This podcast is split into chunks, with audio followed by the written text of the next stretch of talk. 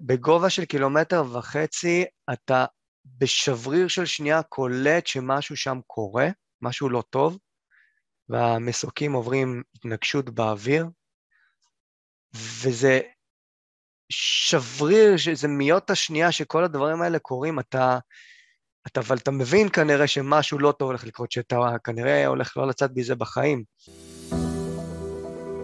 היי, שמי רונן דוידוב, ברוכים הבאים לתוכנית שלי להתאמן על החיים. תוכנית שבה אני אציג לכם את האנשים, הסיפורים והתובנות שיעזור לכם לנקוט בפעולות ולהגשים חלומות. השליחות שלי היא לעורר באנשים השראה ומוטיבציה ולתת כלים לפיתוח הרגלי חיים שמייצרים הצלחה והגשמה עצמית. אז נמצא איתי כאן ביחד נועם גרשוני. נועם הוא אדם שמייצר ניצחונות. הוא טייס מסוקי קרב לשעבר, שעבר התעסקות מאוד קשה. הוא ניצל בנס, אך נפצע באופן אנוש. לאחר שיקום ארוך ושש שנים לאחר מכן, הוא השיג מדליית זהב אולימפית. ומאז נועם מעביר את המסר שלו כמרצה מבוקש מאוד בארץ ובעולם. הוא מספר על איך להתגבר על אתגרי החיים עם חשיבה חיובית ונחישות. נועם זכה גם לשים משואה בטקס חגיגות העצמאות ה-70 למדינת ישראל, והפך לסמל ההשראה וכוח של האדם לבחור בחיים. אז נועם, תודה רבה שבאת. ממש בכיף, תודה על ההצגה הבומבסטית גם, אז קודם כל להוריד ציפיות, כל מי שמאזין לנו, ו... זה מי שאתה, זה מי שאתה, זה דברים שאתה הבאת. אני זוכר ככה שפגשתי אותך בפעם הראשונה אה, בכנס גדול שהפקתי עם אה, מכרה משותפת, והקשבתי להרצאה שלך, ו- ומה שהיה מדהים לראות, איך אתה, מתוך סיפור שהוא לא, סיפור לא קל בכלל, אתה יודע להביא את זה גם בצורה מאוד אנושית, מאוד בהומור, בהומור ואתה מראה איך אפשר למתוח את הגבולות שלנו כבני אדם, וגם ממקומות uh, מאוד מאוד חשוכים, להתקדם הלאה, ומבחינתי זה, זה השראה. אני חושב שמספיק שבן אדם אחד שנמצא במקום כזה נמוך בחיים שלו, והוא יקשיב לך עכשיו, ולא משנה איך ירוץ הפרק הזה, אני בטוח שזה ייתן לו דחיפה מטורפת. ממש ממש. הלוואי, תשמע, זאת גם הסיבה שאני משתף את, ה, אתה יודע, משתף את הסיפור שלי בכל מיני פורומים. אה, אנשים ניגשים אליי אחרי, אחרי שאני מסיים אה, לספר את הסיפור ואומרים שזה בדיוק הדחיפה שהם אה, היו צריכים בה, לכיוון החיובי, או נמצאים באיזה צומת או באיזשהו משבר, לא עלינו. Mm-hmm. זה גרם לנו להסתכל על הדברים בצורה קצת אחרת, אולי גם קצת יותר פרופורציה. אה, וגם אולי לכיוון אה, קצת יותר חיובי, אה, וזה בשבילי, בשבילי שווה את זה. כמו שאמרת, מספיק בן אדם אחד שזה יגרום לו לחשוב בצורה אחרת קצת, שווה את זה. עכשיו נועם, אתה טייס מסוקי קרב, ואני ממש רוצה להתחיל רגע משם, כי בוא, זה ברור שזה תהליך מאוד ארוך להגיע לקורס טיס ולעבור אותו ולהצליח בו. אני הייתי בחיל האוויר בטייסת מסוקי קרב, אז זכיתי להכיר טייסים ואת הסיפור שהם עברו כדי להגיע ליום הזה אה, הראשון, הייתי חמ"ש של אה, צפה. אז פתאום אתה רואה את הטייס בפעם הראשונה שהוא עולה בטייסת המבצעית, שהוא נמצא שם, אני רואה את ההתרגשות, כי עברו דרך מאוד מאוד ארוכה. כשאני רוצה לחבר את זה לסיפור האישי שלך, האם התהליך ההכשרה שעברת, מבחור צעיר שסיים תיכון והתגייס לשירות צבאי, התנדב לקורס טיס, ועבר את התהליך הזה, האם משהו שקיבלת בתהליך ההכשרה, אתה חושב שגם עזר לך להתמודד בשלבים יותר מאוחרים באתגרים ובדרמות שהיו בהמשך? אה, שמע, ללא ספק. באופן כללי, אתה יודע, האנשים שאנחנו זה שרשרת החוויות והזיכרונות אה, שבעצם הביאו אותנו למקום שאנחנו נמצאים בו היום. Mm-hmm. שכל דבר שקורה לנו בחיים, כל, כל, גם כל מסגרת שהיינו בה, אבל גם כל סיטואציה שקורית לנו בחיים, בעצם גם מלמדת אותנו ומביאה אותנו למקום שאנחנו נמצאים בו היום. אני יכול להגיד על, על קורס טייס, קורס ארוך, אה, מאתגר. כן. אה, אני חייב להגיד, קיבלתי בו שם, מעבר למעגל החברתי המדהים ש, שמקיף אותי גם היום, אה, והאנשים המדהימים שפגשתי, אה, הוא נותן לך כלים אה, להמשך החיים, בעיקר הנושא הזה של אה, אתה יודע, גם עמידה בלחץ, גם הנושא הזה של איך להשתפר ומהר, mm-hmm. שזה אחד הדברים שהכי מתעכבים עליו, אני חושב, בקורס טייס, הנושא הזה של התחקור ושיפור uh, עצמי, uh, של איך לקחת את, ה, את המקום שאתה נמצא בו עכשיו, במיוחד במה שאתה עושה שוב ושוב ושוב, ואיך mm-hmm. להשתפר בו uh, יותר מהר. ו... כלומר, לעשות איזושהי רפלקציה על מה שהיה ולחבר את זה לזמן הווה ולחשוב איך אני לוקח את העתיד למקום הרבה יותר טוב. ממש ככה בדגש על, על האחריות אישית, על הדברים ש, שאני יכול אה, לעשות עם עצמי, ולא כל מיני גורמים חיצוניים שמשפיעים והכול, שזה בסופו של דבר, אני חושב, כל המסיכים האלה החיצוניים שיש לנו, כן. זה בסופו של דבר מה ש... כן. אני חושב מה שמונע מאיתנו רגע לעצור שנייה אחת ולהגיד, אוקיי, אבל מה אני יכול לעשות כדי לשפר את ה... אה, איך להיות יותר טוב בפעם הבאה שאני אעשה את הדבר הזה. זה משהו שכן אה, אתה רוכש בקורס טייס, וזה עוזר לך בכל, כמעט בכל קטגוריה בחיים.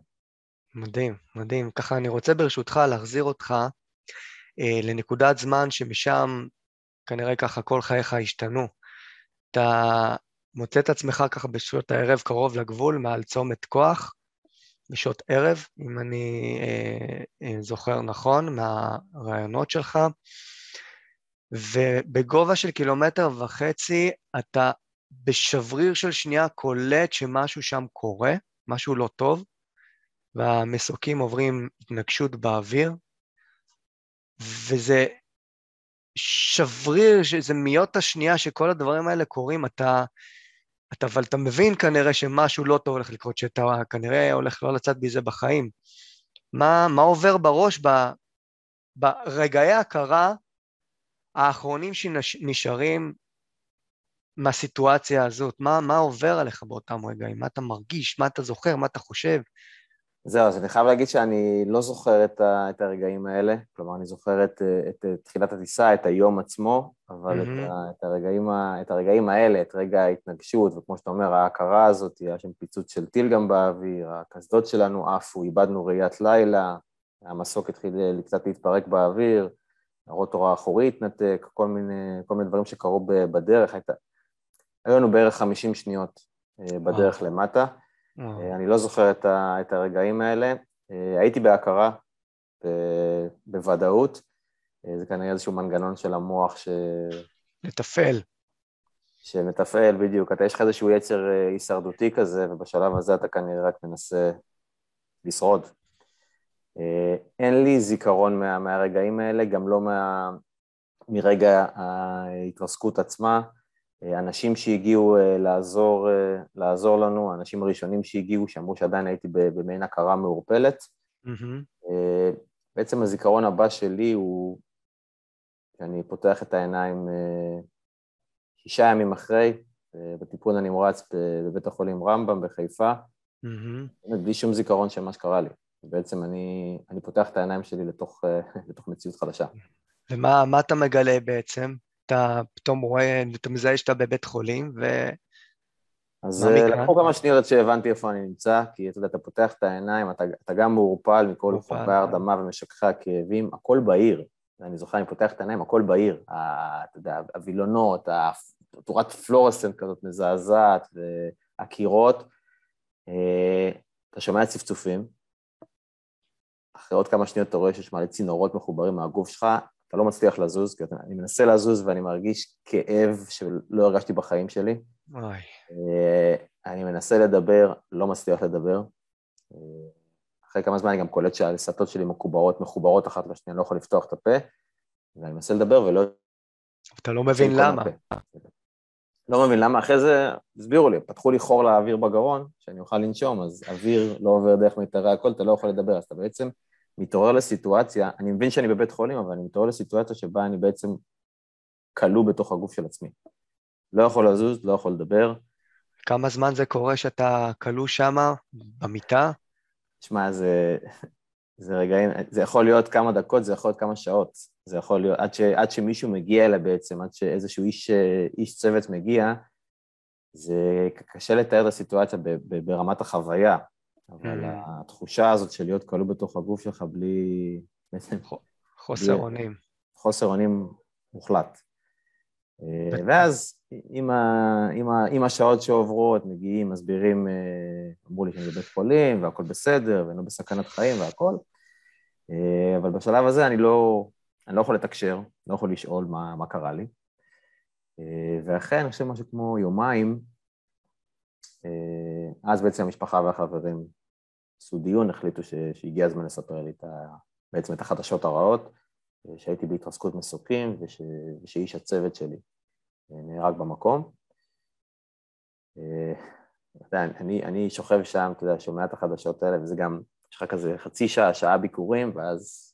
נשאר לבד עם הדבר הזה, עם המחשבות. נשאר לבד, לא, לא זז, מסתכל, אני זוכר, הייתי בעין חדר כזה, מולי שוכב בן אדם, מורדם, מונשם, זה הנוף שלי כרגע לשעות הקרובות, ועכשיו... לך תתמודד עם זה לבד. כן, בדיוק, עכשיו אתה עכשיו צריך לאבד את זה, לחשוב מה קרה, איך, מה, מה הלאה, מה, מה קורה עכשיו, מה, מה איתי, מתי אני רואה את המשפחה ואת החברים שוב, מה השלב הבא.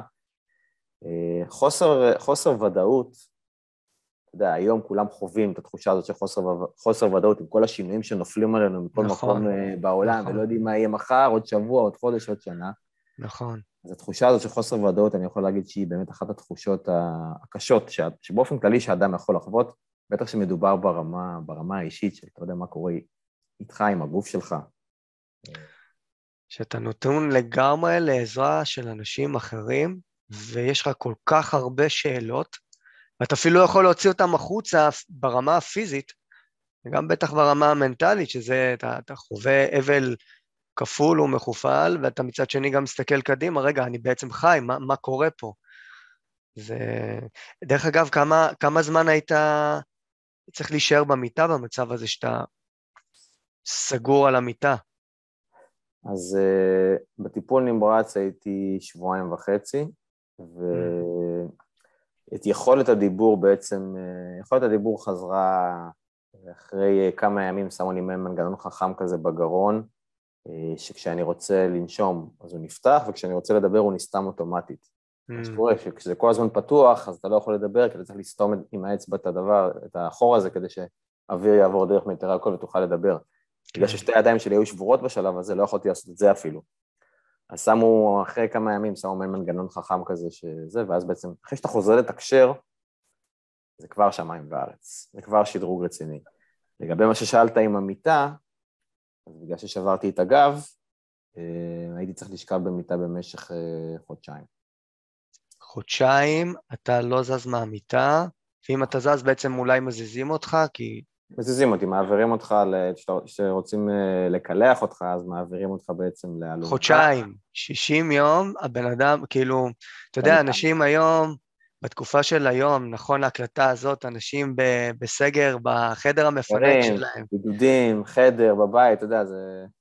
זה בדיוק על זה, שאלו אותי אם אנשים עם מגבלות היום יותר קשה להם בקורונה והכול, אז לכולם קשה בתקופה הזאת של בידודים וסגרים.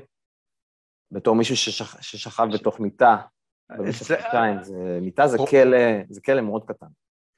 ואתה יודע, הכל, פרופ... הכל פרופורציה בחיים. פרופורציות, ממש ככה. אז אתה יודע, ששומעים את זה עכשיו, מי שנמצא בבידוד, בחדר סגור ושומע את זה עכשיו פתאום. טפס על הקירות, טפס על הקירות. אוקיי, סבבה, אני יכול... לקרוא. אוכל, רואה את זה, רואה נטפליקס. נטפליקס. זה מטורף, כמה ש... יש, יש איזשהו משפט שאומר שבן אדם, בריא רוצה אלף דברים, בן אדם חולה רוצה רק דבר אחד. הקטע שאנחנו מבינים את זה הרבה פעמים כשקורה פתאום משהו, זה פתאום המובן מאליו לא... אנחנו גם, אנחנו גם שוכחים מאוד מהר, אתה יודע, בן אדם זה, זה גם אחד הדברים שאני מדבר עליו בהצעות, אנחנו צריכים תזכורות כן. למה שיש לנו אה, בחיים, כי אנחנו נשאבים לשגרה שלנו ולחזור להתלונן על מה שיש לנו או אין לנו, חוזרים מהר מאוד. אז... ותגיד, מה, מה קורה שאתה מבין שמחר כבר לא אותו דבר, שאתה כבר... אה, יישארו כנראה מגבלות מסוימות, ומה... איך אתה מתמודד לא, עם ההבנה זה הזאת? לא קורה, זה, זה לא קורה בן לילה. כלומר, יש okay. את השלב אוקיי. בטיפול הנמרץ, אתה בכלל, אתה נמצא בטיפול נמרץ. Mm. שבועיים וחצי שם, שזה... אה, זו תקופה, זו תקופה קשה שאתה גם בעיקר לבד שם, כי באמת שעות הביקורים בטיפול נמרץ זה לא כמו במחלקות אחרות בבית חולים. שם כן. בטיפול נמרץ, יכולים לבוא לבקר אותך, לראות, וכל היום אתה לבד. כן. אחרי שבועיים וחצי עברתי בעצם לשיקום, אה, לעוד אה, חצי שנה ארוכה של אשפוז אה, בשיקום בתל השומר, שיקום הנורולוגי, mm-hmm. ושם בעצם אתה לאט לאט מעכל את הדברים.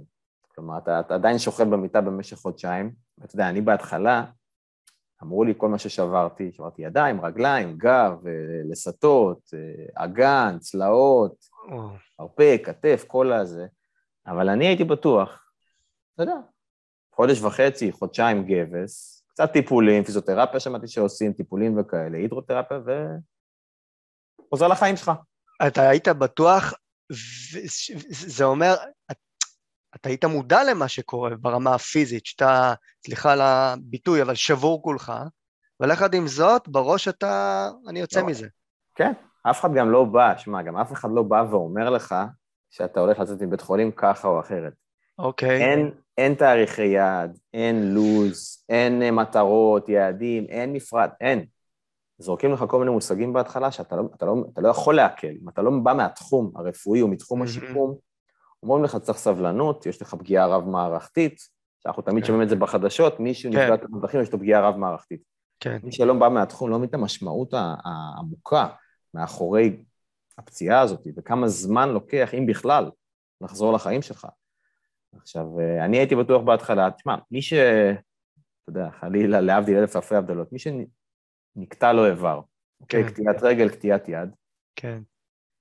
אז זו פגיעה מאוד מאוד קשה, אבל לפחות בהיבט ההפנמה ולעכל את הדברים... שזהו אין. אין, לא תצמח לך רגל. עכשיו, ברור זו תקופה קשה, זה שיקום והכול, אבל בהיבט ההפנמה הזאת של איך אתה הולך לצאת מבית חולים, אתה הולך לצאת מבית חולים בלי רגל. כן, יש ודאות מאוד מסוימת במצב מסוים שאין... ודאות קשה, נוראית, קשה. מזעזעת, הכל נכון, אבל כן. לפחות ברמת הוודאות אתה יודע איך תצא מבית חולים. נושא של פגיעה נורולוגית, פגיעת חוט שדרה, פגיעת ראש, הדברים האלה הם מאוד מאוד אמורפיים. וגם בכלל, בחצי שנה, שנה הראשונות יש התאוששות מסוימת של הגוף. אז גם הרופאים לא באים ואומרים לך מה הולך לקרות, כי הם לא יודעים. הם לא באמת לא יודעים. לא מסתירים ממך, הם לא מסתירים ממך, הם פשוט אומרים, צריך לקוות, וצריך שיקום, וצריך לעבוד קשה, הכל נכון. אבל אין רמת הוודאות, ושוב, התחושה הזאת של חוסר ודאות, מה שדיברנו קודם, זה דבר שמלווה אותך בעצם גם בזמן תהליך השיקום. ו- וזה באמת אחד הדברים המאתגרים, איך, איך אתה כל הזמן מוצא את הכוח להמשיך, להמשיך לעבוד על עצמך, להמשיך להתקדם, להמשיך להתאמן, להמשיך להשקיע בטיפולים, מבלי שאתה רואה תוצאות. כי אתה איך, איך, איך עושים את זה? איך אתה מביא מוטיבציה כזאת פנימית שדוחפת אותך כל פעם עוד שלב? הרי השגרה היא, היא כל יום זה אותו דבר, אני אומר מהמקום האישי, להבדיל אלף הבדלות, אני עברתי גם שיקום מאוד ארוך של עשרה חודשים, כריתה של שורה פרוקסימלית קוראים לזה בשורש כף היד, ואתה הופך להיות אה, סמי נקרא לזה מוגבל בכף יד, ואתה כל החיים לפניך. כן, אבל כל... פגיעה מאוד קשה, אני זוכר, אחרי שהורידו לי את כל ה... אחרי הניתוח, נתנו לי, עשו לי איזשהו מבחן בריפוי ועיסוק. אפילו לא הגעתי לשלב הפיזיותרפיה.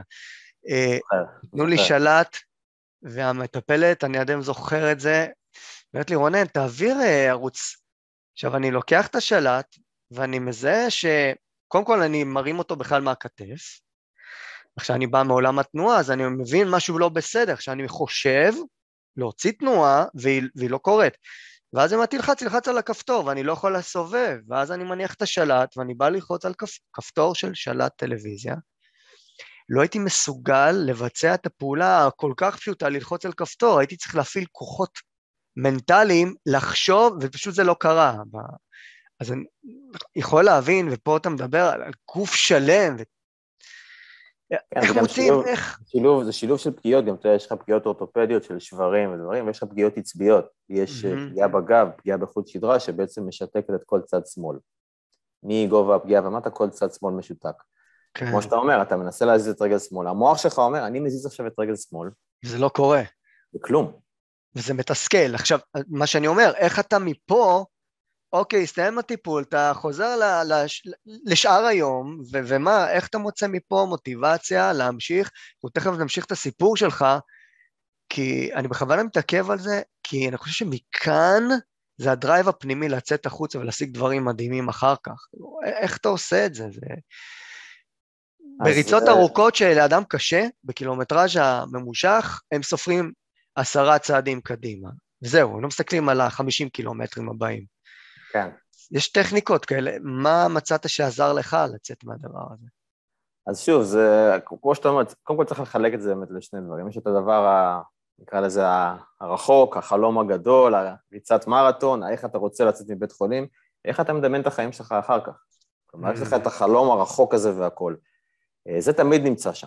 כן. המטרה הזאת תמיד נמצאת באופק, אה, והיא נותנת לך, נקרא לזה, את הכיוון הכללי.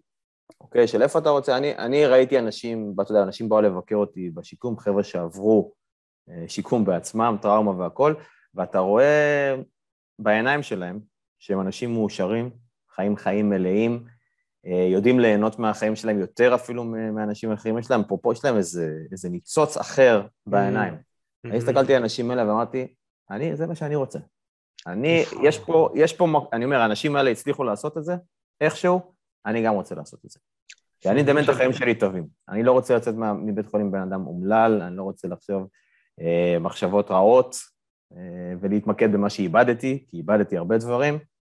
אני רוצה ליהנות בחיים שלי. אוקיי? Okay? זה... זאת המטרה, אני אומר, זאת המטרה בגדול, נקרא לזה, זה.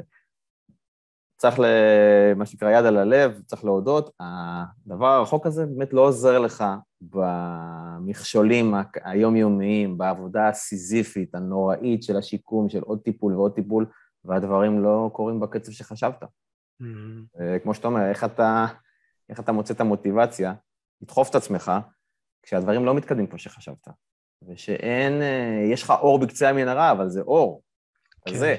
כן. לא, אתה לא מסתנוור. כן. אמ, אז אני יכול להגיד שקודם כל, הכוח שלה ביחד, אוקיי? המשפחה והחברים שלי, שהיו mm-hmm. איתי כל רגע בשיקום, האנשים הקרובים אליך שאוהבים אותך, אה, ואתה אוהב אותם, שאתה לא צריך להתמודד עם הדברים האלה לבד. כן. אני רוצה להגיד, אה, אני לא מזלזל בשום משבר ובשום אסון ובשום טראומה של אף בן אדם, אבל יש עוד אנשים שעוברים כנראה מה שבן אדם עובר, אה, ואני חושב שגם לראות אנשים אחרים שעברו את זה, לדבר איתם, לדבר עליהם, אה, וגם להיות עם המשפחה והחברים, אלה שאוהבים אותך וקרובים אליך ונותנים לך את הכוח, ולא אנשים שמורידים אותך. כן. אנשים, אנשים שמרימים את מצב הרוח שלך. כי בסופו של דבר מצב הרוח שלך זה משהו שמאוד מאוד משפיע על התחושה הפיזית. גם בחיי היום-יום אנחנו רואים את זה, ובעיקר, בעיקר במצבים uh, קיצוניים, בטח במצבי משבר קיצוניים. אז האנשים שמרימים אותנו, אלה שגורמים לנו לחייך, אלה שגורמים לנו לצחוק. אני רוצה להגיד לך, היו לי רגעים קשים בשיקום, והיו לי רגעים שבכיתי מצחוק. וואו. כן, ממש, הייתה אווירה טובה. כן. בשיקום. אנשים באו אליי, היו אומרים לי אחרי זה, תשמע, הייתי בא לך שיקום לזה, ואני יצאתי מחוזק. כי הייתה אווירה טובה. כי הייתה אווירה טובה בחדר, ואווירה חיובית והכול. אז הכוח הזה של הביחד, אה, זה כן הדבר שנותן לך מוטיבציה, מעבר לדבר האופק הזה שיש לך, לאן אתה רוצה להגיע. אה, ודבר נוסף, וזה אתה, אתה לומד, אה, אתה לומד בעיקר ברגעים קשים בשיקום, שבסופו של דבר יש לנו סך של אנרגיה. כן. אוקיי? בשיקום ובמצב משבר ובטראומה יש לך אפילו פחות אנרגיה. את האנרגיה הזאת צריך למקד בדברים שאתה יכול לשלוט בהם, אוקיי? לא לחשוב, לא רק לחשוב, יאללה, מה יהיה עם רגל שמאל? מתי היא תתעורר, ומה נעשה, ואיך נעשה והכול. רגל שמאל לא עובדת כרגע, באמת שאין מה לעשות כרגע. כן. אולי תתעורר, אולי תעבוד בזה, נכון? צריך לקוות, צריך לנסות, נכון? Mm-hmm. אבל כרגע אומרים לך, תסתכל על חצי הכוס המלאה. אז זה קלישאה וזה משפט שלא עוזר, קלישאות לא עוזרות בשיקום. אבל במצב כזה להסתכל על חצי הכוס המלאה, זה לא מספיק. אתה צריך okay. אוקיי. לחזק, אתה צריך לחזק את מה שנשאר לך. קודם כל, הכוס שלי לא חצי מלאה, בסדר? אני בן לילה איבדתי את היכולת ללכת. כן. חצי מלאה היא לא, היא פחות. כן, כן. אבל להסתכל על מה שנשאר זה לא מספיק. תראו, תראה, רגל ימין הייתה שבורה, מרוסקת, כואבת, אבל היא עובדת. Mm-hmm. אז מחזקים אותה, מחזקים שרירי בטן, פה לגוף עליון. אתה צריך ללמד את הגוף שלך כמו תינוק. איך ללכת, איך להזיז את רגל שמאל קדימה, מבלי להשתמש בשרירים שם. איך לקום, איך לקום, איך... איך לעמוד, איך, איך לספוג כאבים. אני הייתי בן אדם שלא ידע מה זה, מה זה להתמודד עם כאב, היה לי חיים כן. אדירים. כן. שום, שום דבר בחיים שלך לפני לא מכין אותך באמת כן. לכזה שינוי או לכזאת טראומה. אבל לבוא ואתה יודע, לרכז את האנרגיה שלך על דברים שלא בשליטתך. ובתוך כאב. להגיד, ובתוך הכאב. זה לופ שנורא קשה לצאת ממנו. ואני חושב שגם היום, אתה יודע, עם כל השינויים וה... והמגבלות שנופלות עלינו, כן. אני חושב שהרבה מאוד אנשים אה, מבזבזים אנרגיה באמת על דברים שלא בשליטתם, אוקיי? נפלו על העולם מגבלות, זה כן, אבל במה שתלוי בי, אוקיי? במה שאני יכול לשפר את רמת החיים שלי, מצב הרוח שלי, שם אני צריך להשקיע את האנרגיה שלי. לא במה יקרה ומתי נעבור את זה כבר. זה... זה פשוט לבזבז את האנרגיה לשווא. ממש ככה. ושוב, כמו שאמרתי, יש לך, יש לך פחות אנרגיה אפילו. במצבים קשים יש לך אפילו פחות אנרגיה. אז אתה, את מה שיש לך, צריך למקד בדברים שבשליטתך. פשוט להיות אפקטיבי עם המעט שיש, ולהסתכל על, ה... על המקום שאתה כן יכול לעשות בו עבודה. לא על המקום שלא יתרום לך גם כך, כי זה בשליטה של או גורם כן. אחר או, או אין לדעת. אלוהים, אלוהים, גורל, כן. כוכבים, כל אחד מה שהוא מאמין. אבל uh, אתה יודע, גם, גם התחושה הזאת שאתה משפיע על מה שבשליטתך, אני חייב להגיד, זה נותן לך מוטיבציה. כי שם אתה ש... גם רואה את השיפור. אני רוצה לשאול אותך שאלה שהיא מאוד מעניינת, uh, ואני לוקח את זה, שאלה גם ברמה המאוד מאוד אישית שמעניין אותי כאיש מקצוע שבא מעולם האימון. מה היית אומר לאנשים שאומרים לעצמם, אוף, אין לי כוח, ופשוט, אתה יודע, מוותרים? ממקום של, אתה יודע, של של עצה של מישהו שהיה במקום מאוד קשה. כי אתה יודע, לפעמים אנשים אומרים, אוף, אין לי כוח, אוף, לא בא לי, על דברים שהם מאוד רוצים, אבל הם לא מוכנים להשקיע את ה extra mile הזה כדי לעשות איזה, להתקדם בעוד שלב. מה היית אומר לאדם כזה, שמוותר לעצמו די מהר? אז מה, שוב, יש לנו, יש לנו סך אנרגיה, אוקיי? עכשיו, אני חושב שהדברים ש... שבאמת בוערים בנו, ומה שבאמת יש לך passion אליו והכול, אתה תמצא את, ה, את הכוחות לבוא ולעשות אותו. ואם יש איזשהו משהו שאתה רוצה, אבל הוא לא באמת באמת בוער בך ואתה רוצה לעשות אותו, לא יקרה. יהיה לך קשה, יהיה לך קשה למצוא אותה, אתה מדבר על ה extra mile, עזוב האקסטרה כן. מייל, לתת את המאה אחוז שלך, אני לא מדבר על לתת את המאה עשרים אחוז, לתת את המאה אחוז שלך. אז אני אומר, אם הדבר הזה לא מספיק חשוב לך, אז זה בסדר, אגב. יש לך זה בחירה. איקס אנרגיה לתת, בדיוק, זו בחירה שלך כמה להשקיע כן. בזה והכל, ואגב, אני יכול להגיד לך בתור בן אדם שכן מצא באיזשהו שלב בחיים משהו שיש לי פשן עליו, והייתה מטרה והכל, אה, זה הרבה יותר קט את המאה אחוז שלך שאתה, שזה בוער בך, אוקיי? ואגב, נכון. המאה אחוז שלך הוא לא אותו דבר כל יום. נכון. יש יום שאתה קם פחות טוב, והמאה אחוז שלך הוא לא עשר שעות אימון, אוקיי? יכול להיות שהמאה אחוז שלך באותו יום הוא שלוש שעות אימון. אבל בסוף היום, אתה הבן אדם היחיד שיודע אם נתת את המאה אחוז שלך או לא. אתה יכול להגיד מה שאתה רוצה, למי שאתה רוצה. אבל אתה בפנים בסוף מסיים עם התחושה הזאת של נתתי את מה שהיה לי או לא נתתי את מה שהיה לי. ושם אם אתה הרבה ימים ברצף רואה שוואלה, אני לא נותן את המאה אחוז שלי, אז אולי אני לא עושה את מה שאני רוצה לעשות, בעצם.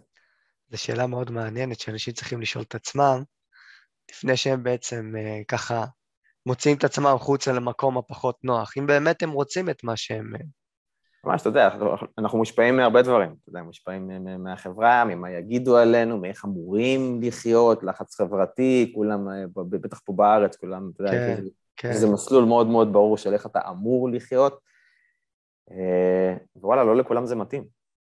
ובסופו של דבר, אם אתה כל, כל יום מסיים התחושה הזאת של וואלה, ויתרתי לעצמי, וואלה, הייתי יכול יותר והכל, אז אולי אני לא עושה את מה שאני באמת רוצה. ואתה בחרת לעשות משהו, וחוץ מהבחירה המאוד משמעותית, להיות אדם חיובי ולצאת מהבית חולים אה, עם אנרגיה הרבה יותר טובה ויותר גבוהה, ולא לבחור במקום ההוא, אתה גם בחרת בעוד משהו, בחרת בתקווה חדשה, נכון? אתה התחלת להיכנס לעולם הספורט, כלומר לחזור לעולם הספורט בתור אחד שתמיד עשה פעילות גופנית, ו... אבל בין זה לבין להגיע להישגים מטורפים שהשגת, שלא, גם אדם בריא לחלוטין שמתאמן שנים לא בהכרח מגיע, אז, אז איך הגעת למצב שממצב ש... מטייס קרב, הגעת לכיסא גלגלים עם שיקום ממושך, ואתה מגיע להיות מדליסט אולימפי. כאילו, אתה יוצא מבית חולים, ומה עכשיו?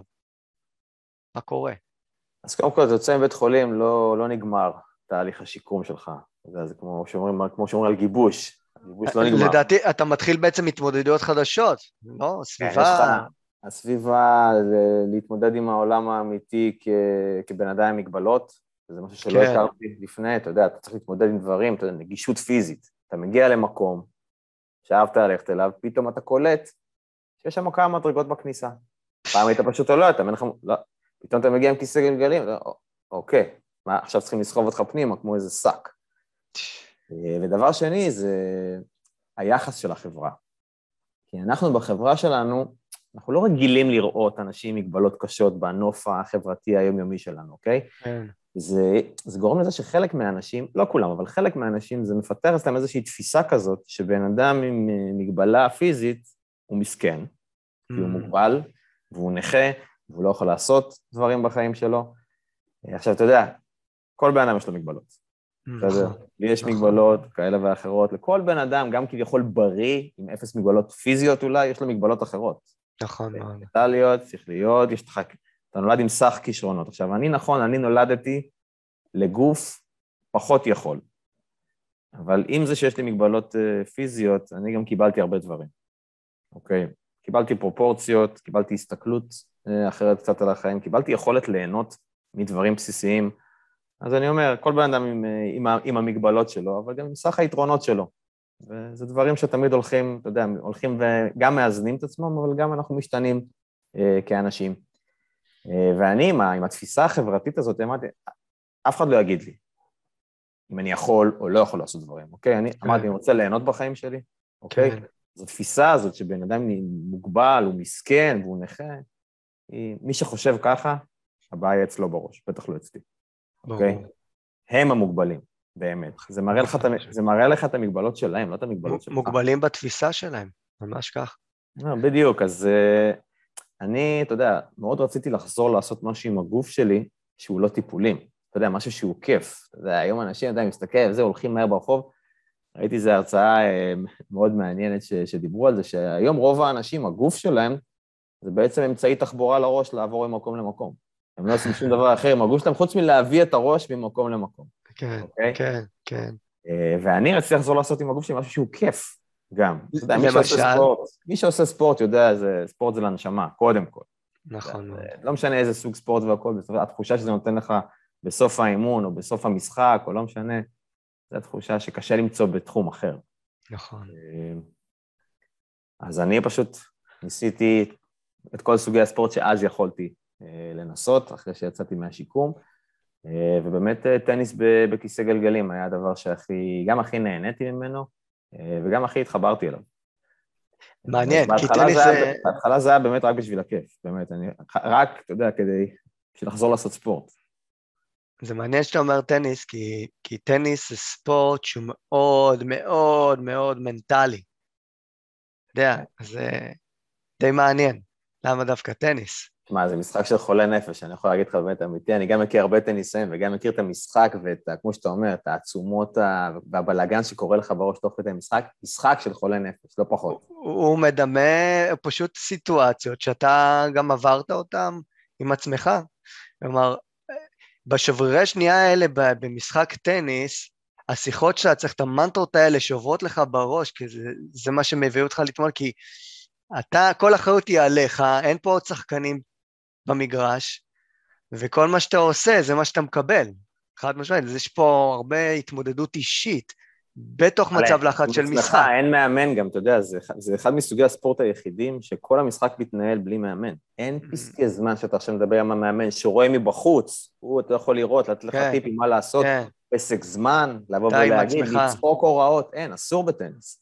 אתה עם עצמך צריך להקל גם את הסיטואציה, גם את התוצאה, גם יואו, איך הפסדתי את הנקודה הקודמת, איך הפסדתי את הגיים, את המערכה, מה יהיה אחר כך. ואיך לקום מזה, ואיך להתמודד עם זה, כלומר, זה ספורט, ספורט מאוד מאוד סוליסטי, מאוד מנטלי, ו, ואני חושב שגם מה שהביא אותך להצליח בטניס, זה המיומנויות שרצית או לא רצית, שרכשת בתהליך השיקום, וגם בהיותך טייס, כלומר, כל, אני כל, דברים מתחברים. כן, כל הדברים האלה, אתה יודע, כל הנקודות בסופו של דבר אה, מתחברות, ובטניס, כמו שאתה אומר, זה גם, אה, אתה יודע, זה גם, הרבה דברים תלויים בך, אגב, גם הרבה דברים לא תלויים בך, אבל דברים שתלויים בך, בגלל שזה משחק מאוד מאוד רפיטטיבי. כלומר, כל נקודה מתחילה מאותה סיטואציה בדיוק. כן. סרב או ריטרן. ומשחק שקורה בצורה כל כך רפיטטיבית והכול, אז שם אתה יכול ממש אה, לתת לעצמך דגשים, ממש לפני כל תחילת נקודה, של מה הדבר הבא שאתה צריך לעשות, אוקיי? אז אה, כל הנושא הזה של, אתה יודע, איך לשפר את עצמך ומהר, בטניס הוא אפילו מקבל, אני חושב, אה, יכול לקבל הרבה יותר פוקוס. Mm. אמ, ואני הייתי רואה, אתה יודע, הייתי משחק משחקים, מנצח, מפסיד, אבל הייתי רואה אותם אחרי זה.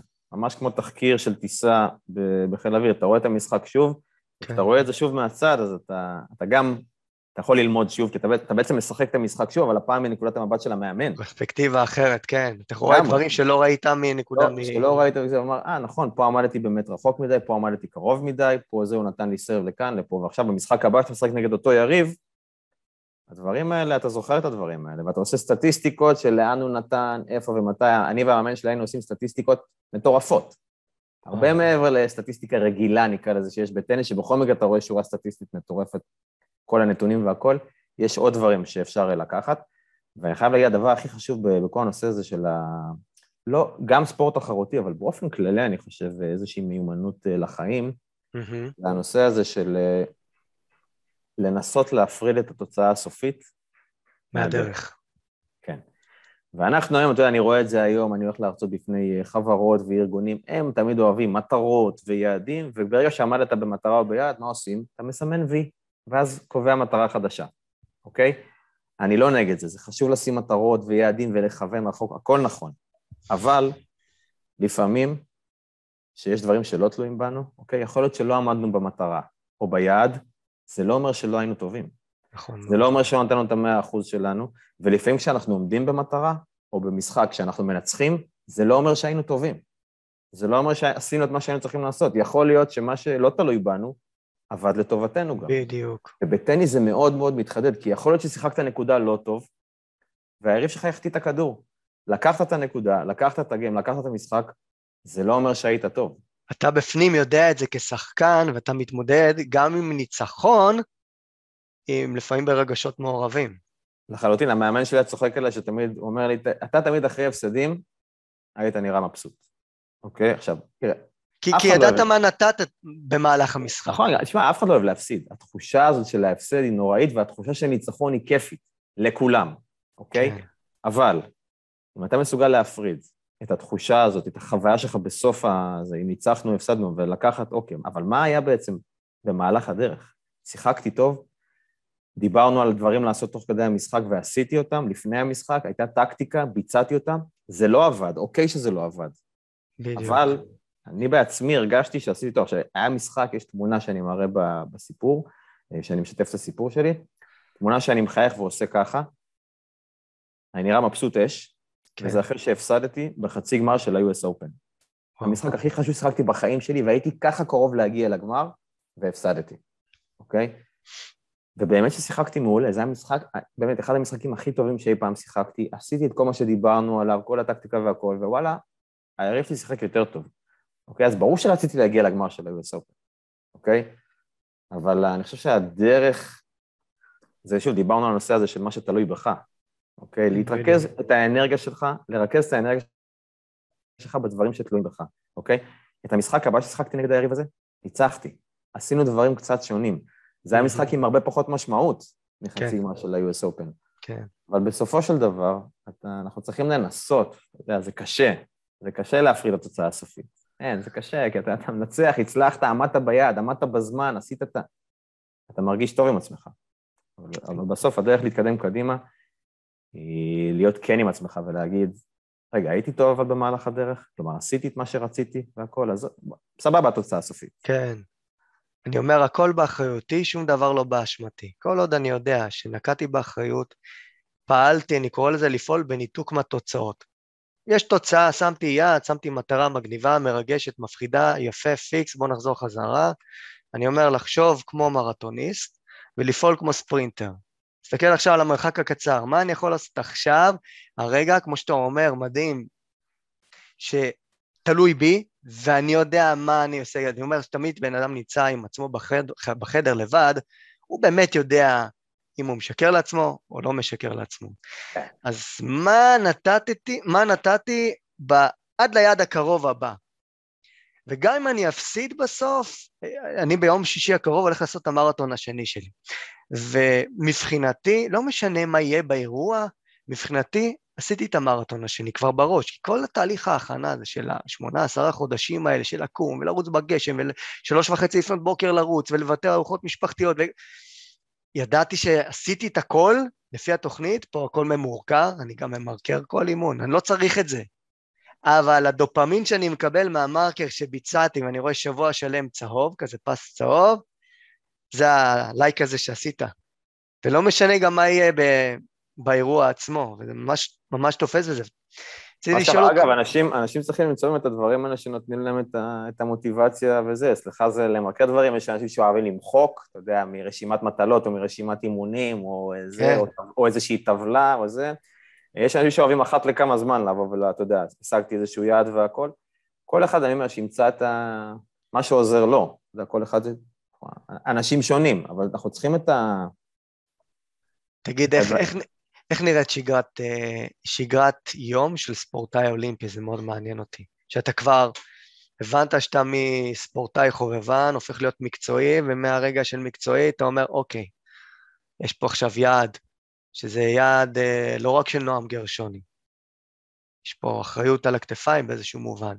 איך נראים חיים של אדם כזה, של ספורטאי אולימפי, מקצוען?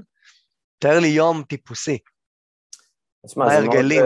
תשמע, זה מאוד, זה מאוד משתנה, כי טניס, אה, יש, כל, אתה יודע, כל ספורט וה, והלו"ז שלו, אבל בסופו של דבר טניס, כמות התחרויות שאתה משחק בשנה היא מאוד גבוהה, מאוד אינטנסיבית. זה לא כל מיני סוגי ספורט שיש לך תחרות קריטריון שאתה עושה, והפעם הבאה שאתה מתחרה זה עוד ארבעה חודשים.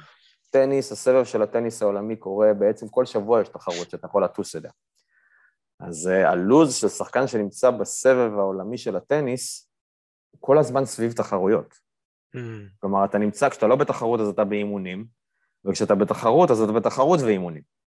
אתה בפרס, כל הזמן בפרס. אתה כל הזמן, אתה כל הזמן שם, אין, אה, אם אתה עכשיו לא מכה, אפילו סופש ארוך, בסדר? חמישי עד שני, לצורך העניין, נסעת לאיזה חופשה והכל, כשאתה בא אחרי זה למגרש, אתה מרגיש שלא הכית ארבעה ימים. אתה צריך, זה יש לך ממש חלודה.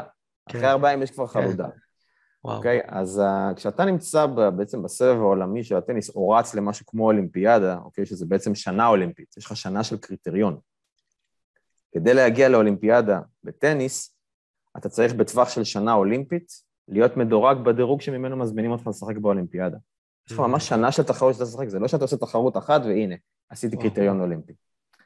זה שנה של תחרויות, זה כמו שאתה אומר, זה מרתוניסטים, זה ריצה ארוכה.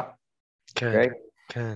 ואני יכול להגיד לך שבתקופה הזאת, מבחינתי הדבר הכי חשוב היה לדעת שבאמת עשיתי הכל, ובאמת נתתי את המאה אחוז שלי. ושתדע שבכל הריצה לאולימפיאדה לא פספסתי אימון אחד. וואו, מדהים. אחד. מדהים. אין לא מרגיש טוב, אין אני עייף, אין שתיתי אתמול בלילה, אין מוקדם מדי, מאוחר מדי, חם מדי, גשם, שלג, ברד, כל הדברים האלה. אני אומר, זה... מותר להיות חולה. סטנדרט לא מאוד מאוד גבוה שאתה מציב לעצמך בחיים, פשוט מאוד. תשמע, אני אומר שיש לך מטרה, ודיברנו קודם על הנושא הזה של פשן, ושהדבר הזה שבוער לך בפנים, שיש לך דבר כזה באמת, אז אתה יודע, גם לא הרגשתי שאני מקריב יותר מדי, כי אתה בא ועושה משהו. אתה עושה את זה מפה. כן, יש לך את החלום הרחוק הזה, ואני אומר, ברור שהיו ימים שקמתי פחות טוב, והיום שהייתי עייף, ומה עכשיו שוב לעקוץ סלסלה של 200 כדורים סרבים? למי יש כוח לזה עכשיו? איך, פה, פה, פה, בשניות האלה, מה אתה עושה? זה מאוד מעניין. תראה, אתה קם בבוקר ואתה אומר, גאדמת, אני... אין לי כוח לזה היום, לא בא לי. אבל אתה קם. ואתה עושה. כי... באותם רגעים אתה לא מת על זה. מה זה לא מת על זה? המוטיבציה בדאון. אתה סובל, אתה סובל, אבל אתה יודע מה אני חושב לעצמי? אוקיי, זה מעניין. שאם אני מפסיד, או אם אני לא מגיע, או אם אני אף סיבוב ראשון והכל, ואז אני אומר, בואנה, היית יכול יותר. אמיתי, היית יכול יותר. עם התחושה הזאת אני לא מסוגל לחיות. כן. עם התחושה הזאת של הייתי, וואלה, היית יכול יותר במשהו שאני ממש רוצה. כן, אם זה משהו שהוא לא הכי חשוב לי בחיים, זה בסדר. קרה, לא קרה, יקרה אולי בעתיד, סבבה. אבל משהו שאני באמת רוצה, אני לא יכול לחיות עם התחושה של, תכלס היית יכול יותר. בוא, בוא נהיה כנים עם עצמנו. כן, אמרנו, אנחנו בסוף הולכים לישון עם עצמנו. נכון. כן. זה כל אחד חושב מתי שהוא חושב, זה חושב במקלחת, זה חושב שהוא הולך לישון, זה חושב שהוא נוהג, מדיטציה, כל אחד. אבל אני לא יכול לחיות עם התחושה הזאת של, וואלה, היית יכול יותר. יש משפט... היום, היום אני מדבר עם, אה, כשאני מדבר עם בני נוער, נגיד, אה, לפני דברים שהם רוצים להשיג, או לפני, אה, אתה יודע, תקופת מבחנים, או לפני השירות הצבאי שלהם והכול, אני אומר להם, כשאתם תסתכלו אחורה, אוקיי? בראייה של שנים קדימה, אומר לכם בן אדם עם קצת יותר ניסיון מכם, כשאתה מסתכל אחורה, הדבר הכי גרוע זה שתגיד, וואלה. הייתי יכול יותר. בינינו הייתי יכול יותר. אז, אני, אז זה מה שנתן לי את המוטיבציה, ושוב, יש לך איזשהו מטרה, יעד רחוק שהוא גדול, אתה יודע, אולימפיאדה זה וואו. פסגת השאיפות של כל ספורטאי. אז אני אומר, בדבר כזה, אם אני אחרי האולימפיאדה אבוא ואגיד, היית יכול יותר, אה. מה אני אעשה את זה בכלל? אין מצב. אה, יש משפט מאוד יפה שאני אוהב, שאומר שהמשקל של משמעת העצמית שוקל גרמים, לעומת המשקל ששוקל בטונות של חרטה. וזה ממש ממש ככה. אני אומר, מנצחים לא מוותרים, מוותרים לא מצליחים. החלטת, אתה הולך על, על הדבר הזה שאתה מאוד מאוד רוצה, אתה צריך להבין מראש, אגב, בדקו את זה בהרבה מחקרים בתחומי הפסיכולוגיה, וראו, כשאתה יודע לנבא מראש שיהיו משברים, אפילו אם אתה יודע גם מראש לציין איזה משברים יהיו בדרך, קרוב ל-70, 60-70 אחוז מזה שאתה תדע להתמודד איתם לכשיקרו, וזה העניין. היכולת שלנו להתקדם קדימה גם כשמאוד מאוד מאוד קשה. אני אומר, אני באופן אישי אומר לעצמי, כשיש לי מטרות ככה שהן מאוד מותחות אותי כזה, מהאזור שלי, של הנוחות, אומר לעצמי, רונן, תקשיב, ביום האחרון שאתה תסיים כאן את, ה, את, ה, את הימים היפים שלך בחיים, תגיע למעלה, ואותו אחד יראה לך סרט וידאו, הוא יגיד לך, שב, תצפה. ואז אגיד, זה הסרט שאני תכננתי לחיים שלך, האם הסרטים האלה דומים? זה בדיוק אותו דבר. אני אומר לעצמי, אני רוצה שזה יהיה אותו סרט שכביכול הייתי מממש אם אני ממלא את כל הפוטנציאל שלי. גם בימים של uh, סבל או, או קושי. תגיד, uh, איך אתה מתמודד במשחק גמר, בטניס, עם כל הלחץ של המשחק עצמו כענף ספורט, מאוד מאוד מאוד אישי, מאוד מנטלי, וזה גמר עם השחקן הטוב בעולם, ואתה יודע שאתה מייצג מדינה ו... ולא רק את עצמך כאדם, מה, מה קורה שם? מה, איך אתה מתמודד עם הדבר הזה? אתה יודע שזהו, זה נגמר כאן. תשמע, זה לחץ, אה, אתה יודע, זה, אי אפשר להתכונן, אתה יודע, אתה יכול לדמיין, הרבה אנשים עושים חשיבה מודרכת וכל מיני כן. מודרך ודברים, ואיך אני רוצה לעשות את זה והכל.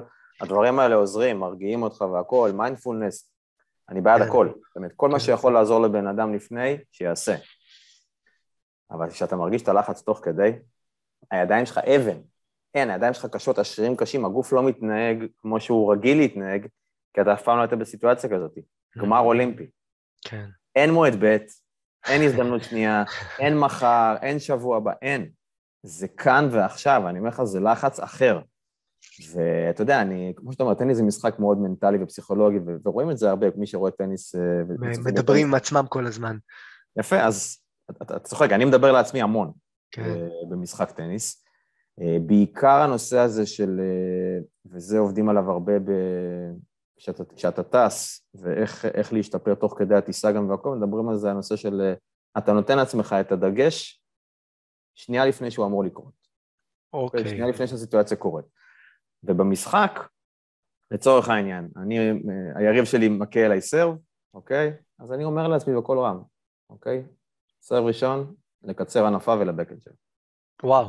אומר לעצמי, נותן לעצמי את הדגש, אוקיי, הוא נותן סרב ראשון, זה יותר חזק, אני צריך לקצר ענפה כדי שיהיה לי יותר זמן, mm. ולנסות לבקן שלו. אני מסתכל על המקום שאני רוצה שהכדור יגיע אליו.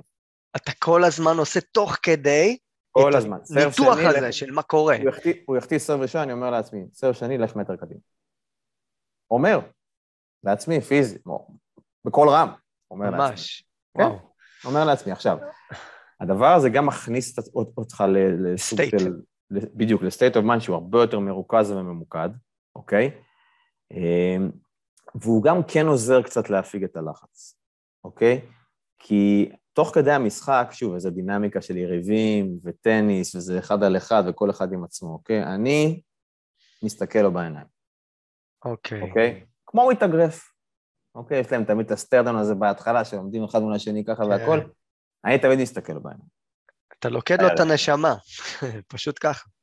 אני, שמע, אני גם מסתכל לו בעיניים וגם תוך כדי משחק אני לא צועק. לא יש ולא שיט ולא קאמן ולא ואמוס. אני עם השקט שלי ומסתכל לו בעיניים. ואני רוצה להגיד לך, לי זה עוזר גם השקט והכל. אני לא, לא מרגיש שאני... אני לא רוצה להוציא. עכשיו, יש אנשים שעוזר להם. להוציא את העצבים, לצרוח וזה. שוב, כל אחד, מה, ש, מה שטוב לו ומה שעובד לו.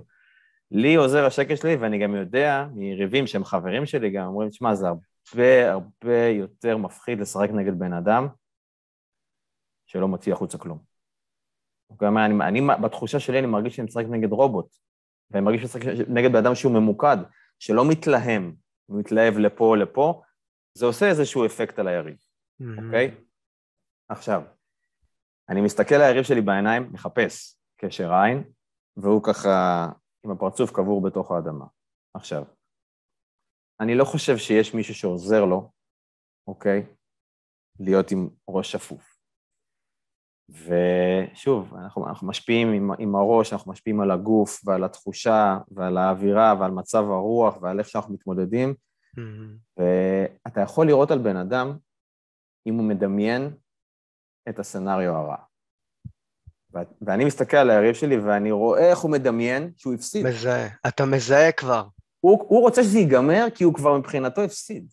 הוא רואה את הטקס ואיך תולים עליו מדליית כסף, ומה הוא יגיד, ומה הוא יעשה, ואיך הוא יסביר, וזה מה שהוא חושב עכשיו. וזה כן, מה עכשיו. שזיהית במשחק. זו הייתה התחושה שלי. אגב, אולי זה אני, מה שאני דמיינתי כדי לתת לעצמי מוטיבציה, אני לא יודע, אבל אני מסתכל עליו. ואני- יכול להיות, אני לא יודע. אגב, זה גם, זה גם סוג של חשיבה חיובית. להסתכל Mhm. עליו ולהגיד, הוא רואה איך הוא מפסיד. כן. אז בואו נסיים את זה בשבילו כמה שיותר מהר, הבן אדם פה סובל, בואו בוא נעזור לו. איזה מדהים. כזה. עכשיו, עכשיו, שוב, כל אחד שימצא את מה שמתאים לו וכל מה, ומה שעובד בשבילו. אבל uh, אני כן יכול להגיד, דיברת על נושא של מצבי לחץ, אוקיי? Uh, אני יכול להגיד שמה שעוזר לי במצב לחץ זה לא הלחשוב מה יקרה. יש אנשים שאומרים, אני אדמיין את המצב הטוב, אני מדמיין איך אני מנצח, אני רואה את זה. מי שעוזר לו על הכיפאק, לי זה לא עוזר. לי זה מכניס אותי יותר ללחץ, כי אני עדיין אוקיי. מבין את הסיטואציה שאני נמצא בה. אני נמצא בגמר אולימפי. אני מדמיין עכשיו איך תולים עליי מדליית זהב, רגע, זה רחוק א- מדי. א- אין זמן לזה, זה כאן ועכשיו. בדיוק, אני מקפיץ את הכדור שלוש פעמים ומכה סרב לבקן של היריב. דיברת על צעדים קטנים, עשרה צעדים קרובים, הזה, מה הדבר הבא שצריך לקרות? כן.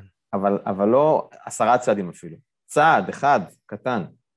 עכשיו, אנשים מכניסים את עצמם לכל מיני רוטינה כזאת, אתה רואה את כל, הס... כל הטניסאים והכל, כל אחד והטקסים שלו והוודו שלו, זה נראה מגוחך מהצד, אבל זה מכניס אותם לטראנס של ריכוז, ומוריד מהם את הלחץ, כי הם עשו את התנועה הרפיטטיבית הזאת מיליארד פעם.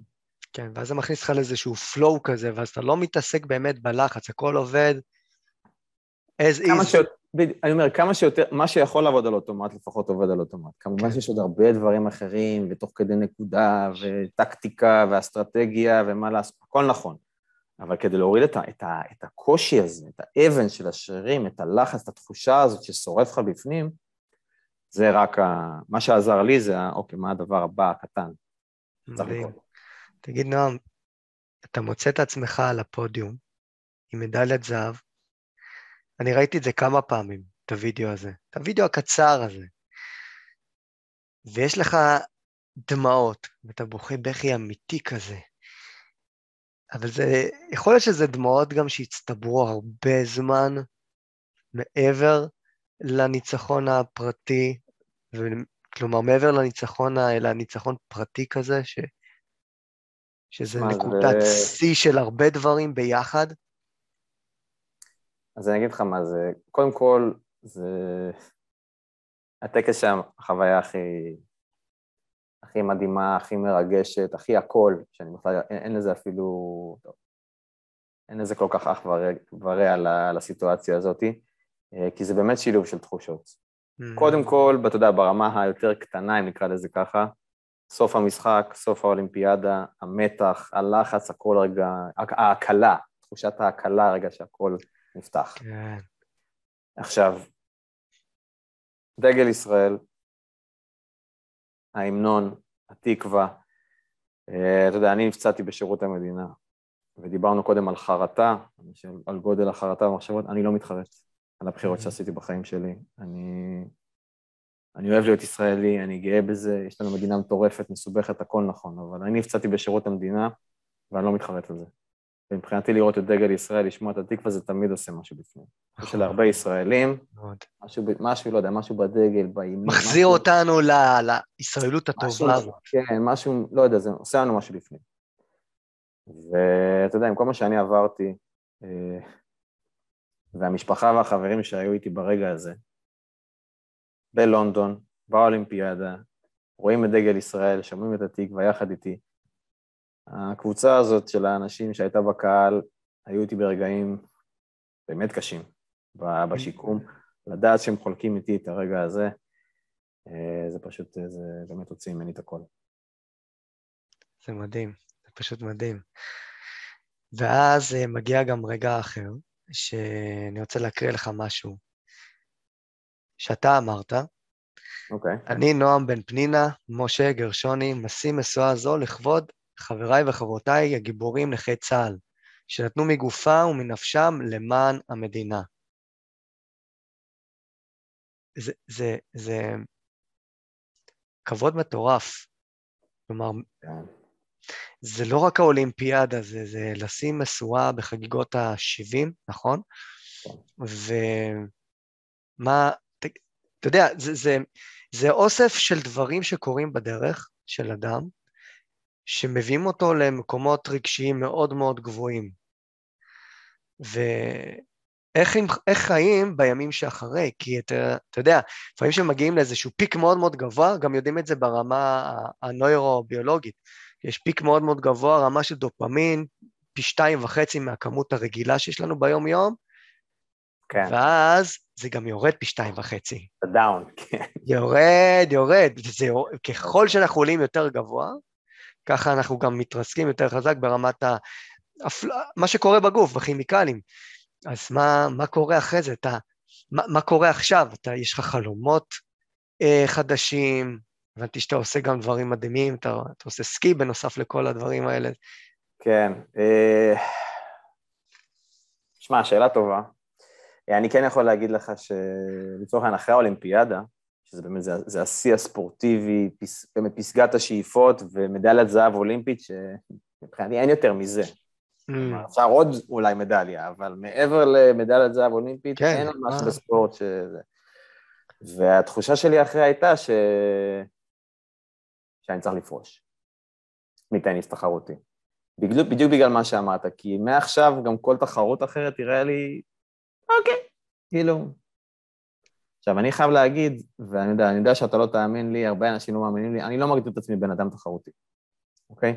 מבחינתי המוטיבציה להתחרות היא לא בא לי לנצח את התחרות ולהיות ראשון בעולם ולשבור את השיא הזה או... זה תחרותי אולי עם עצמך, כאילו... אני, אז שוב, שיפור זה, עצמי, זה סוג של... שיפור עצמי אני תמיד בעד, תחרותיות עם עצמך אני תמיד בעד, אבל כל הנושא כן. הזה של הייחוס ביחס לזה, להיות הכי טוב בעולם, כן. לנצח את זה, עוד תחרות, עוד מדליה, לשבור איזשהו שיא. אתה רוצה להיות מצוין, לא מצטיין, לא מעניין אותך מצטיין, אלא מצוין. כן, אני מבחינתי, אם עשיתי משהו אה, טוב, אם שיפרתי וזה, אני... עכשיו, אחרי מדליית זהב אולימפית, אני אמרתי, אוקיי, אני... מבחינתי סיימתי עם העולם התחרותי, אגב, גם היום זה לא חסר לי, אני, אני עדיין מתאמן עם הנבחרת, משחק תחרות אחת בשנה עם אוקיי. הנבחרת, okay. מעבר לזה, לא. עכשיו, נדבר על הפיק הזה שאחרי ההיי המאוד גדול, איך מתמודדים באמת עם, ה, עם הסיטואציה שאחרי. אה, אז אני חייב להגיד שאפשר למצוא משהו שיש לך פשן אחר אליו, אוקיי? Okay. Okay. ואפשר, גם אם אין לך איזה משהו מטורף, או איזשהו חזון, או חלום, או גדול והכול, אפשר גם ליהנות מהיום-יום. אפשר גם ליהנות מהחיים שבין המטרות. אוקיי? לי אין איזשהו משהו גדול שאני אומר, אין, לשם אני חייב להגיע. יש הרבה אנשים שהם בלחץ, כי אומרים, מה אני אעשה בחיים שלי? כן. אוקיי? מה... כן. חיים זה דבר דינמי, אוקיי? אני יודע ליהנות מהחיים שלי גם מהדברים הקטנים. אז זה לא פיק מטורף, זה לא הפי שתיים וחצי דופמין שאמרת, נכון. אבל אם אתה תחיה רק מכאן לכאן, אין, אין, אין, אין, אין איזה סוף. זה לא נגמר. אתה רואה את החבר'ה של נכון. הספורט אקסטרים, בסוף הם ימותו הרי. עוד טיפה לאתגר עצמך, ועוד אדרנלין, ועוד... אז אני אומר, צריך להבין שהחיים הם לא רק מפיק לפיק לפיק, הם בעיקר מה שקורה ב... בתווך. כן, בשגרה. אני נהנה מהחיים שלי היום, אתה יודע, מדברים מטופשים וקטנים, אבל יודע ליהנות גם מהם, אז ברור שזה, אתה יודע, אולימפיאדה וטקס המסעות, שהיה אירוע מרגש ברמה שאני גם, שוב, אני לא יכול לתאר אפילו. בטח בשבילי, שגם מבית חברים וגם, אתה יודע, כן, כן. טקס המסעות זה תמיד נקודת המעבר בעצם, המאוד עדינה הזאת שבין יום הזיכרון לחגיגות יום העצמאות. זה shift מאוד, לי הוא מאוד קשה כל שנה. לי, אתה יודע, אבל וה... כל התחושה של סביב יום, יום הזיכרון, ואז פתאום לחגיגות יום העצמאות, זה, זה קשה לי. נתפס, כן. אז טקס המסורת הוא בדיוק נקודת המעבר, אז ברור שזה גם איזשהו peak, אבל... תגיד, נועם, ככה בדקות האחרונות שנשארו לנו, בכמה מילים, מה זה בשבילך הצלחה? איך תגדיר ניצחון?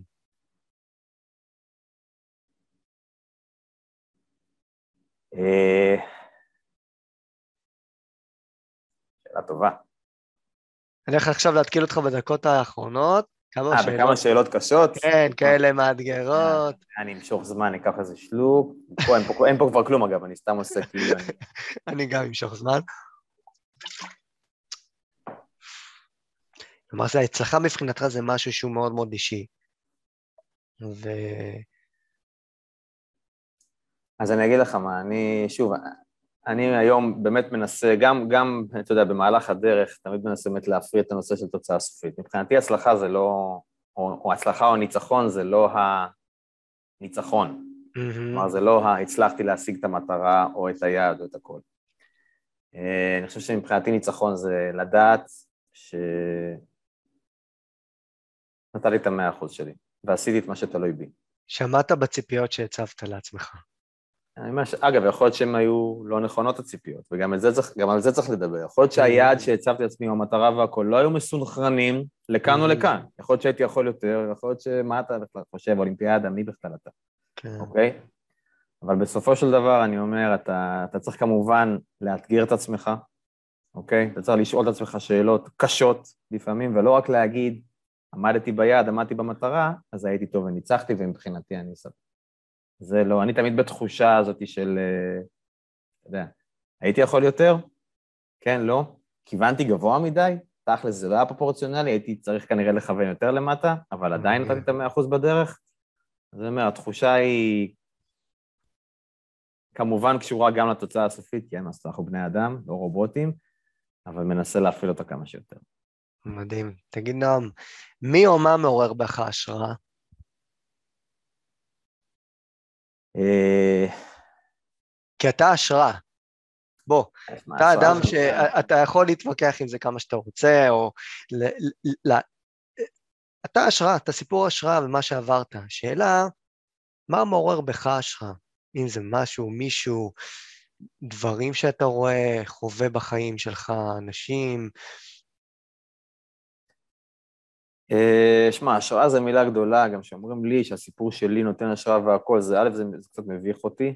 Mm-hmm. זה, זה, זה, הסיפור של החיים שלי, ככה הם התגלגלו וככה הם כן. קרו בזכותי, וחלק גדול מאוד לא בזכותי ובגלל מזל וסיטואציות והתמיכה והחברים והמשפחה.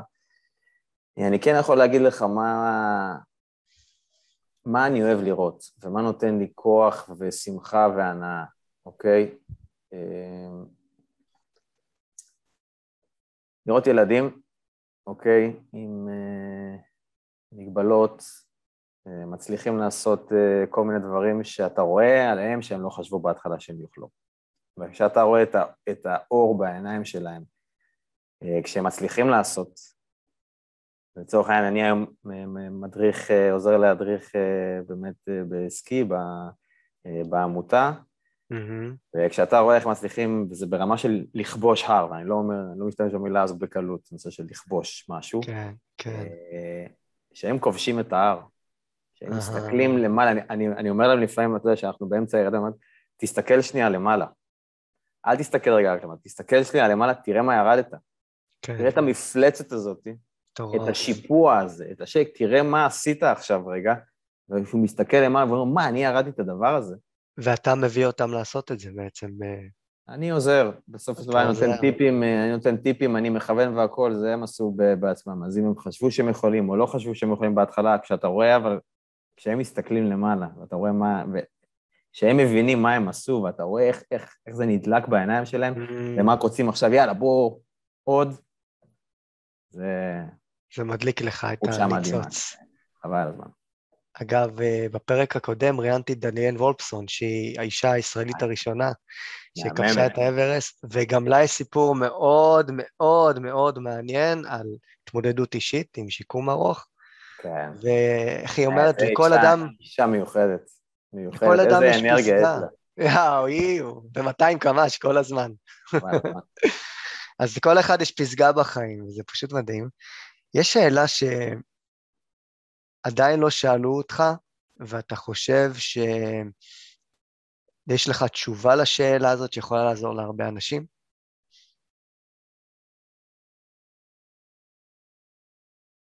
אה, וואה.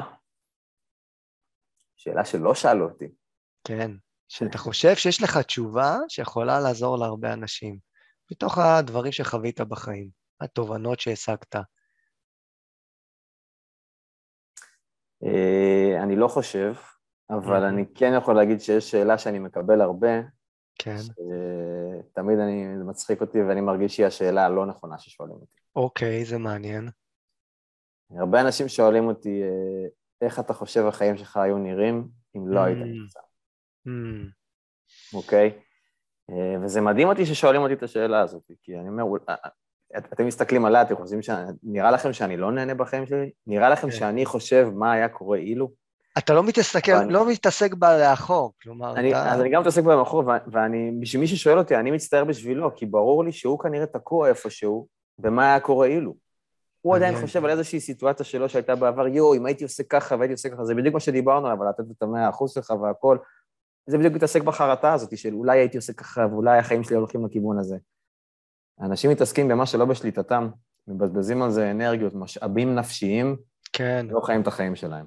אני לא מתעסק במה היה קורה אילו, אני מסתכל על חיים של חברים שלי, שנגיד היה לנו אותו מסלול חיים עד שהתפצענו ב... עם הפציעה שלי והכל, אני מסתכל על החיים שלהם, אני לא מחליף עם אף אחד מהם. אני אוהב את החיים שלי היום כמו מדהים. שהם, לא חושב מה היה קורה אילו.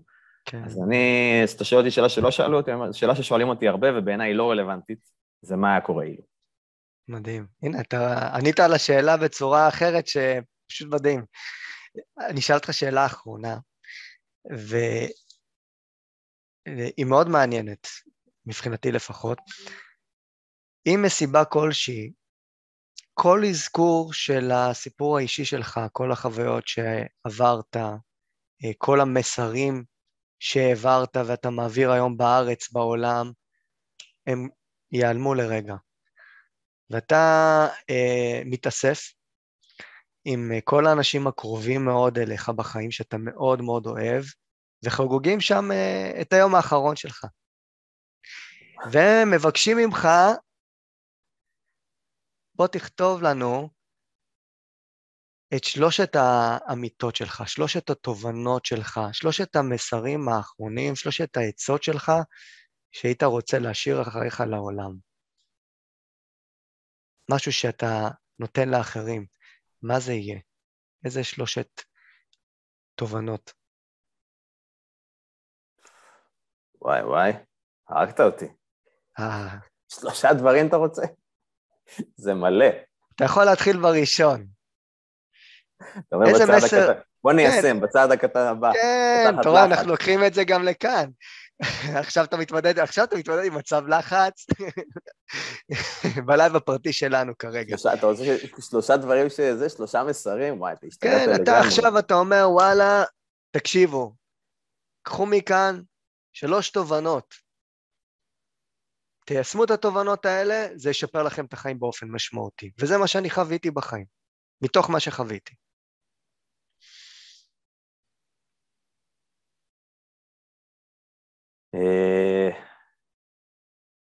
אז בואו נעשה את זה יותר קל בשבילי. שום אה, פשוט נחלק את זה לעבר, הווה, עתיד. אוקיי.